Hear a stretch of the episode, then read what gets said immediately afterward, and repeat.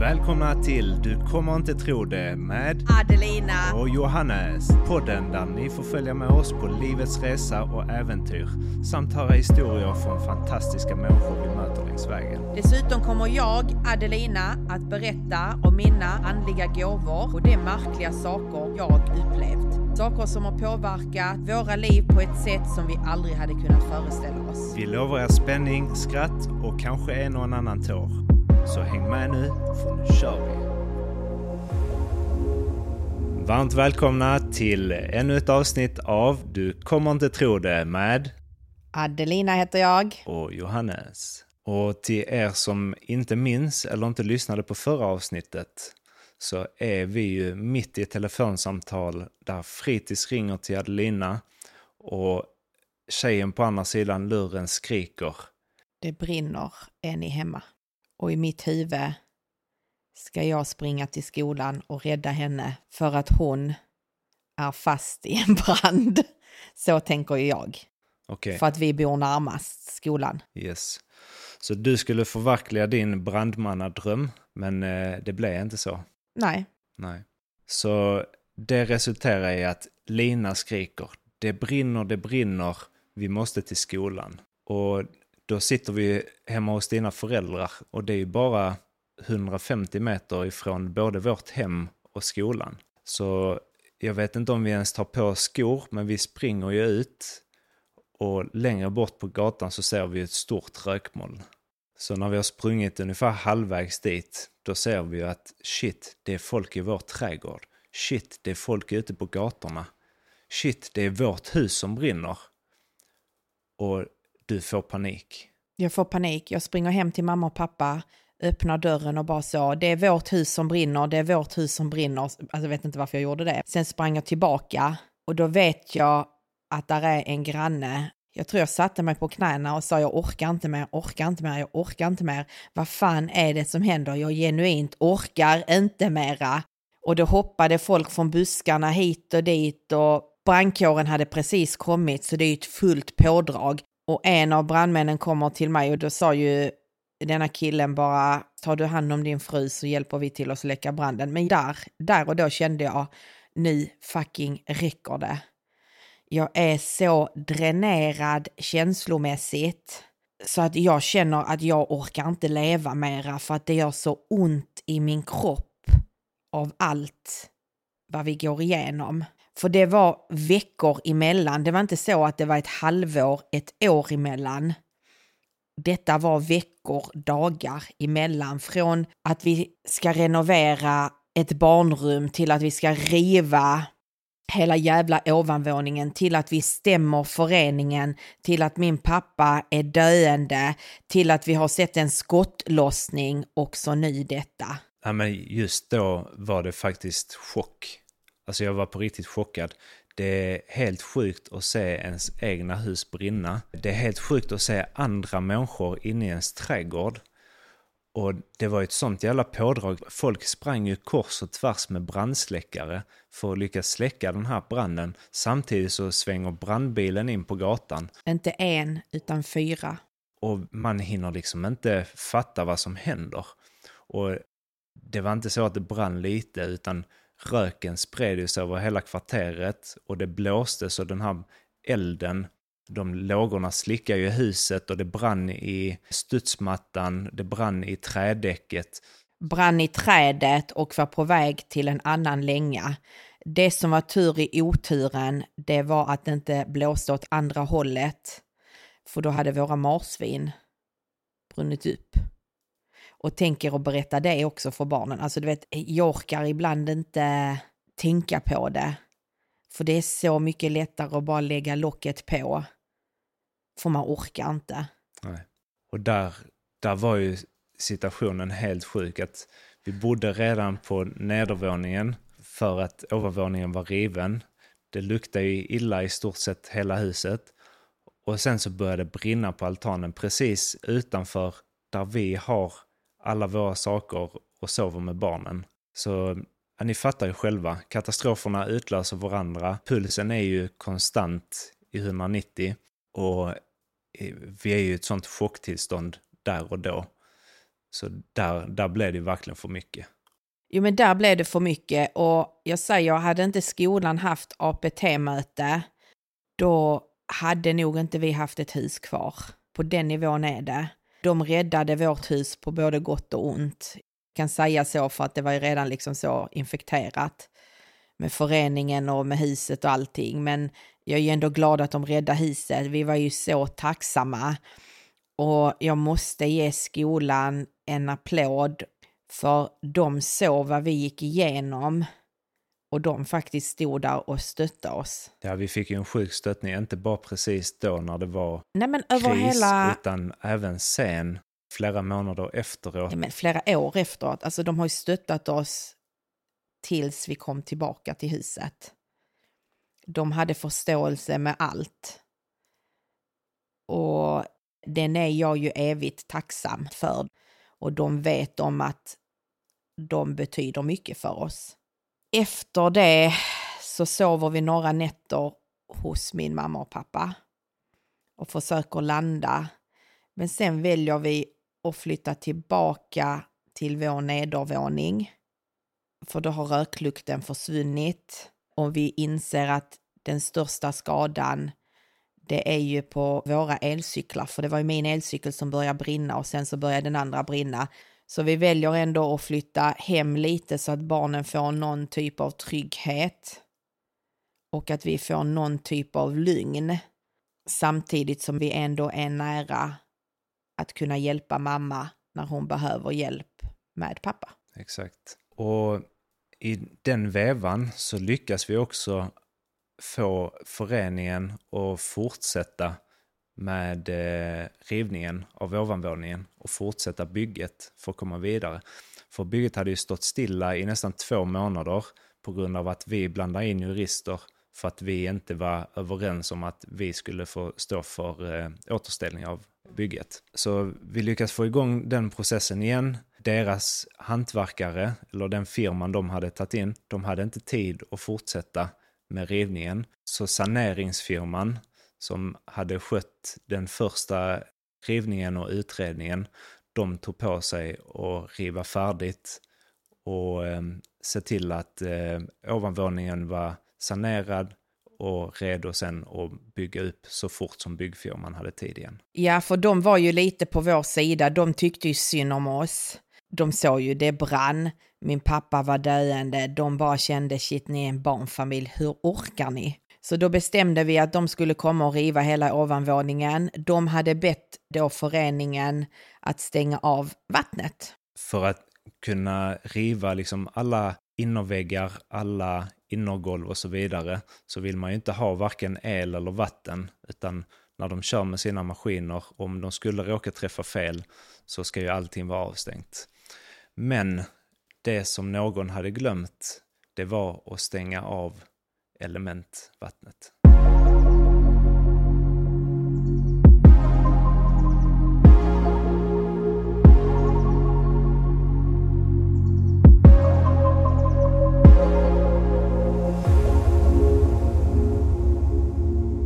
Och det visste vi ju inte förrän den här dagen. Din nästkusin Hanna kommer och hälsar på oss.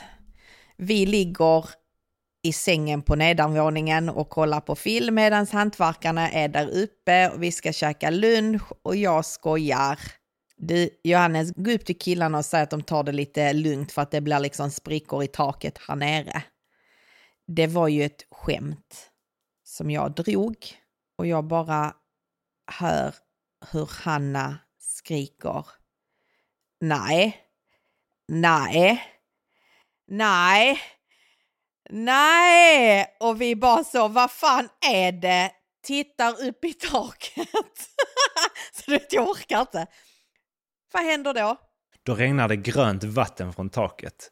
Så det kommer som en bassäng med vatten som sipprar igenom innertaket på nedervåningen regnar ner över våra flyttkartonger, över vår säng, över våra möbler och allting dränks i grönt regn.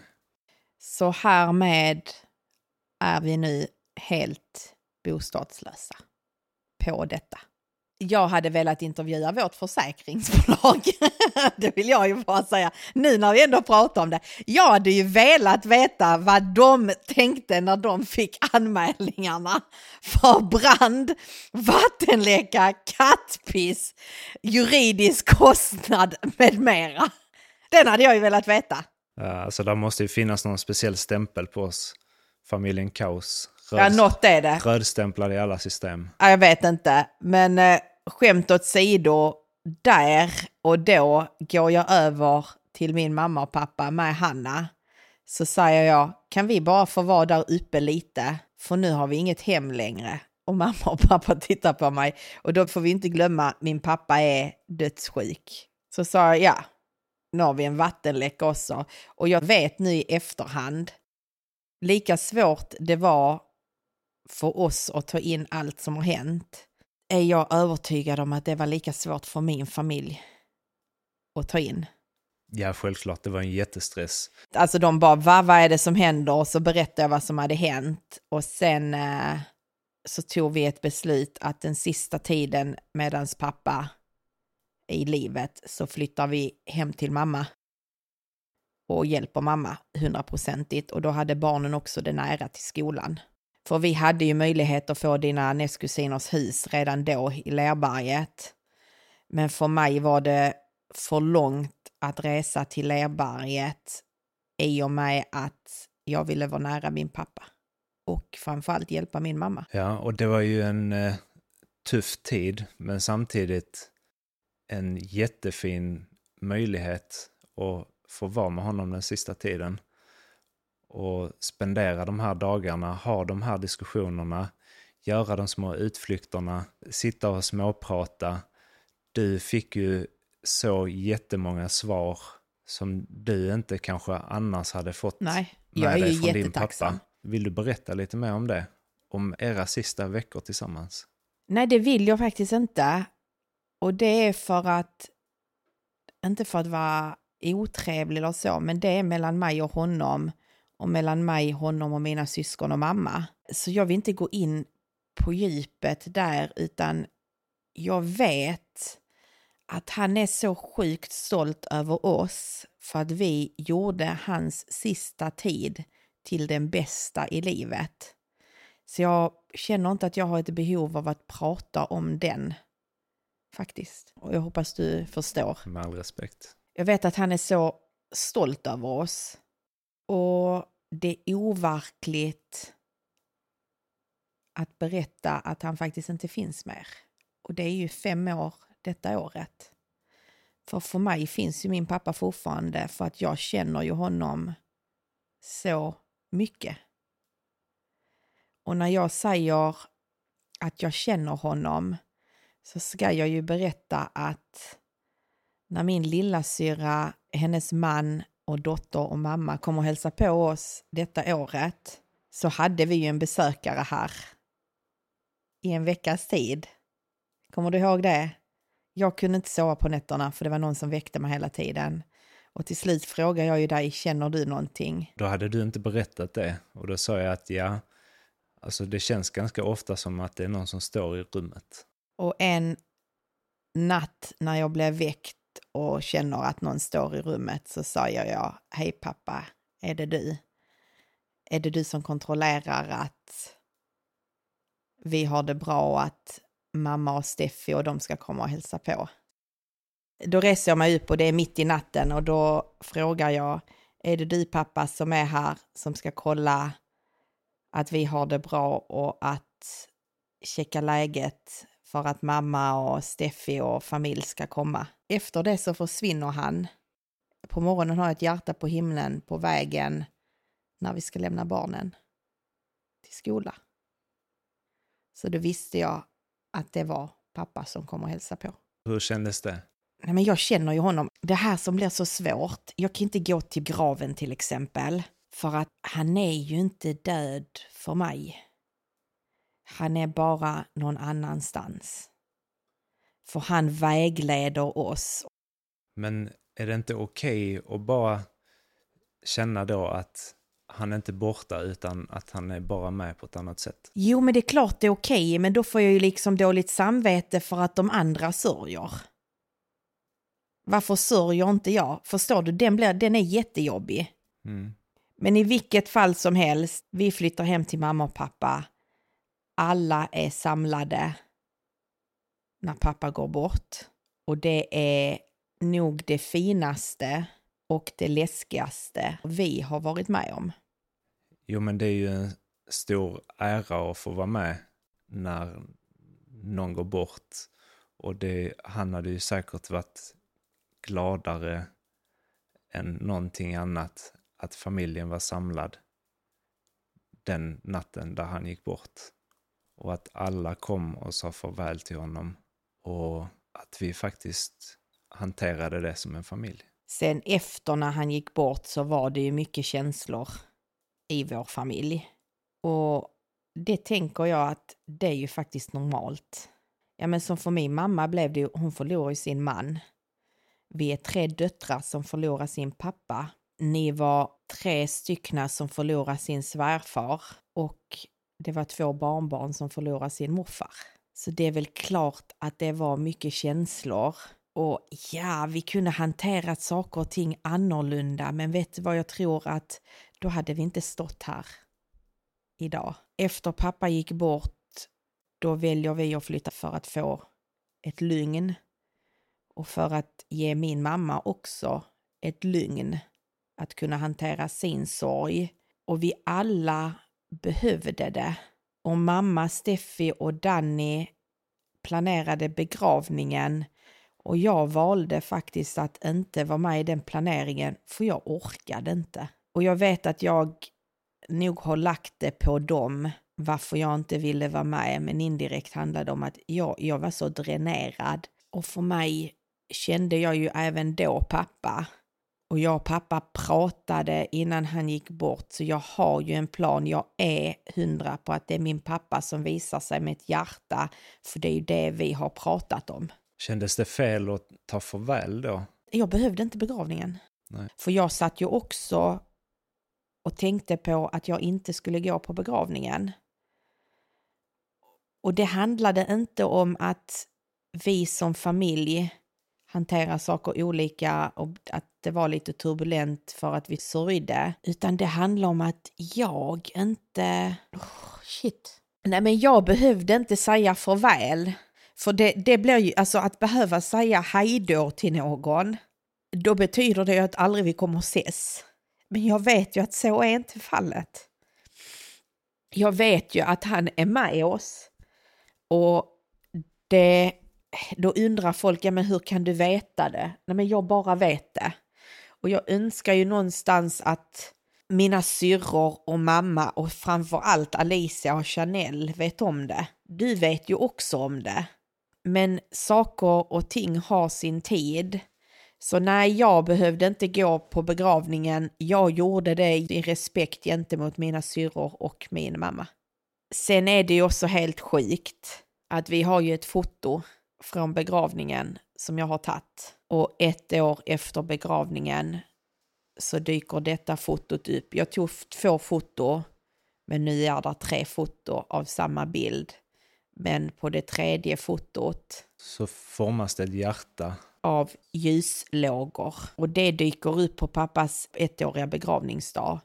Och den är också helt sjukt för att det är rent omöjligt att det skulle kunna fotas så. Vi har ju gått igenom vad det fanns för ljus i lokalen och vad som skulle kunna spegla sig och så vidare, vilka effekter som skulle kunna uppstå. Vi har visat det för lite olika människor och så, men det är ingen som fattar hur det fotot har kunnat bli på det sättet.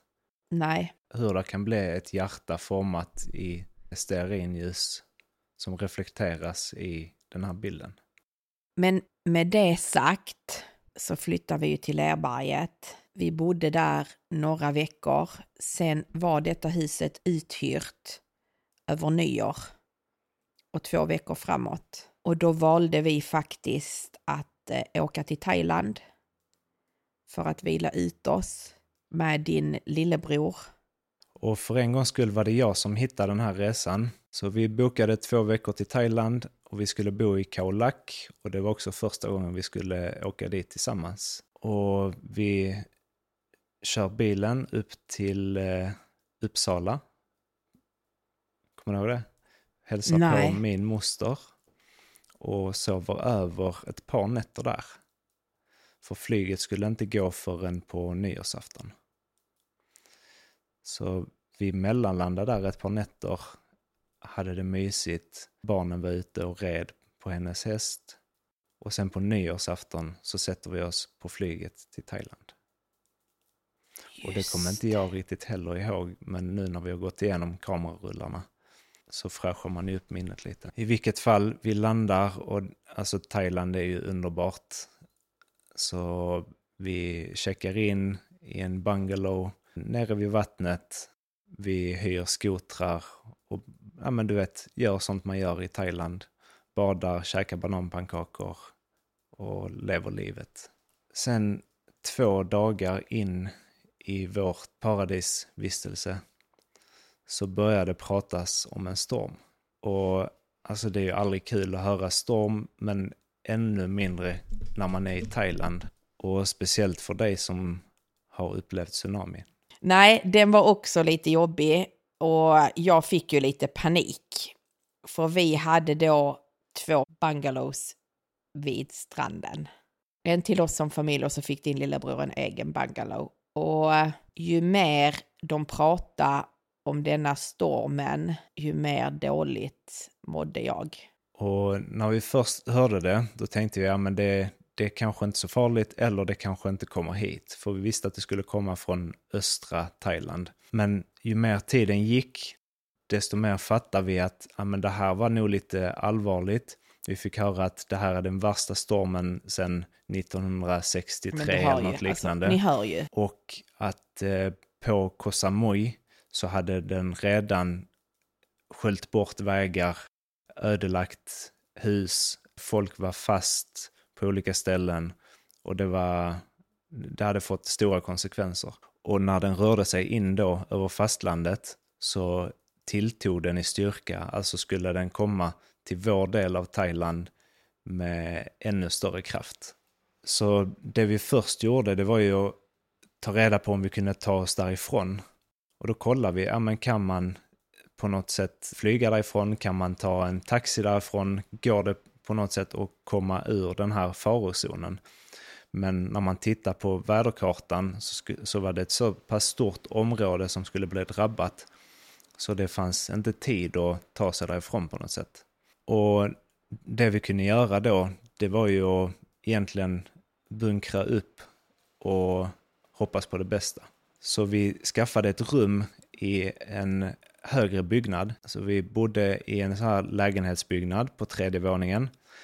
Vi packade en vattentät väska med kläder, nödproviant, mediciner, allt man kunde behöva. För... Den måste jag ju ge dig, för det var ju du som packade. Jag hade checkat ut. Alltså, jag skickar ett meddelande till mina syrror och mamma. Hej, jag vill bara säga efter allt vi har gått igenom så ska ni veta att jag är inte sur på er. Troligtvis dör vi i natt. Alltså där var jag. Och sen så tittar jag på din lillebror och så skrattar jag som att jag skulle in på ett mentalsjukhus. För jag var så dränerad. Och min lilla syra ringer upp mig och bara så, vad pratar de? Jag bara kollar på nyheterna. Och på nyheterna säger de tropisk cyklon. Och det är ju inget kul ord det heller. Och det betyder ju att det kommer att blåsa som satan. Det är ju en storm som snurrar kan man säga. Och där finns ett öga i den här. Och det här ögat, det var på väg precis emot oss. Så spot on ännu en gång. Men i vilket fall, vi har packat den här väskan. Vi sitter på hotellrummet och jag kan bara tänka att, alltså helt ärligt, jag har lyckats pricka in den här stormen och jag har tagit med inte bara min fru, mina två barn, utan även min lillebror hit. Precis just nu när århundradets värsta storm kommer hit. Hur fan lyckades jag? Och jag tänker, vad har vi gjort för att förtjäna detta? Alltså jag bara så, räckte det inte med stämma föreningen, skottlossning, jag har förlorat min pappa, vattenläcka, brand. Nu sitter vi i ögat i stormen. Och, så jag kände ju ett stort ansvar liksom att se till att lösa situationen. Ja, och jag kände att jag checkar ut. Det var ju ändå min idé att åka och det var jag som hade hittat just den här resan. Så vi sitter där, alla ligger i sängen förutom jag. Jag sitter och uppdaterar väderappen i telefonen. Jag och din lillebror kollar på film och bara så, jag tittar på Anton bara så, vet du vad, om vi ändå ska dö ikväll så kan vi lika gärna kolla på film och äta lite chips. och stackars han, alltså ändå att han var så lugn som han var. Nej, shit vad han har upplevt ändå. Nej men att han inte flippade eller någonting, utan han var ju också cool, lugn och bara så, nej jag går och lägger mig, alltså han orkar inte heller. Och så ser han dig som är superstrukturerad och han säger att hej, hon här tar vi in på mentalsjukhus snart. För att rent känslomässigt så orkar jag inte ta in det.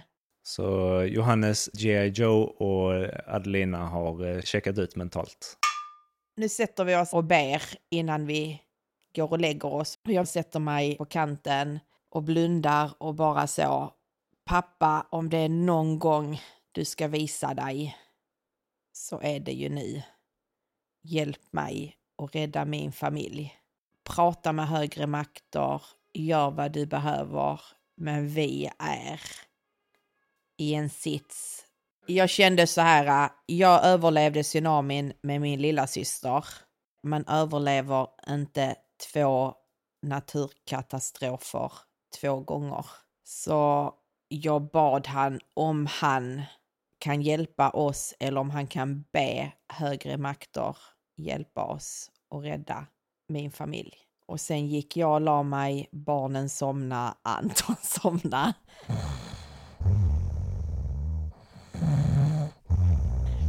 Och du, stackaren, vad gjorde du? ja, men jag satt ju där som ett fån med ryggsäcken på, väderappen uppdaterad. Alltså helt uppe i varv. Blev du förbannad för att vi gick och la oss? Nej. Nej. Det var jätteskönt att ni gick och la er, för då, då kunde jag bara liksom fokusera på mitt. Till historien tillhör ju att de hade ju tagit in evakueringsbussar för ifall de behövde eh, få bort folk därifrån. De visste ju inte hur den här stormen skulle bete sig. Och redan från klockan fyra på eftermiddagen så var ju gatorna tomma på folk. Alla hade ju liksom satt sig i säkerhet på bästa sätt. I vilket fall, jag sitter där på natten och ni som inte vet det, jag är muslim, jag konverterade för 20 år sedan. Och en sak som jag aldrig brukar be om, det är ju alltså faktiska saker i livet som ska inträffa. Jag brukar aldrig be om att få någonting eller åstadkomma någonting eller att något särskilt i detta livet ska inträffa. Jag ber ju om alla mina LV-väskor. Skämt. Men just i detta fallet så bad jag att snälla rädda min familj ur detta för jag mådde så dåligt att jag hade satt er i den situationen. Så jag satt i flera timmar, följde vädret, man märkte hur palmerna gungade mer och mer. Det piskade på fönster, saker välte omkull. Stormen tilltog mer och mer. Den beräknades att komma in över oss klockan tre på natten.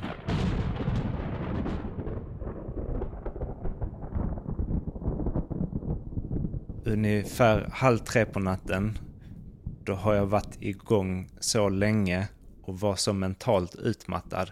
Så jag somnar med ryggsäcken över telefonen och vaknar inte förrän klockan sex på morgonen. Och anledningen att jag vet det, för att jag tog skärmdumpar av stormen hela tiden.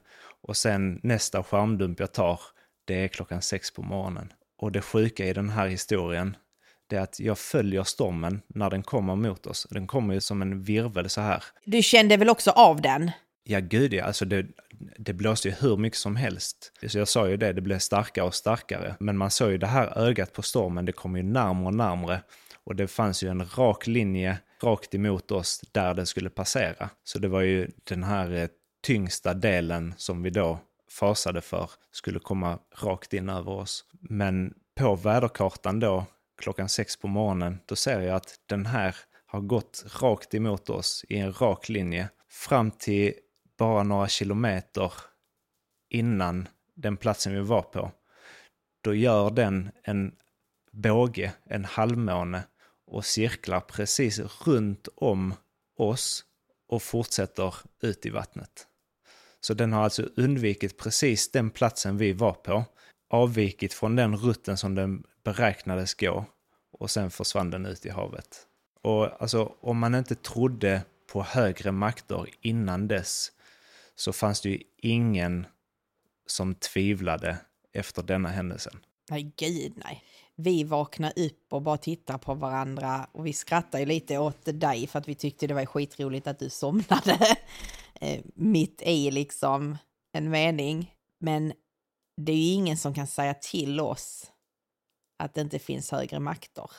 Och lika stressad och traumatiserad som jag var kvällen innan, lika tacksam och lättad Exakt. var jag i mor morgonen därpå.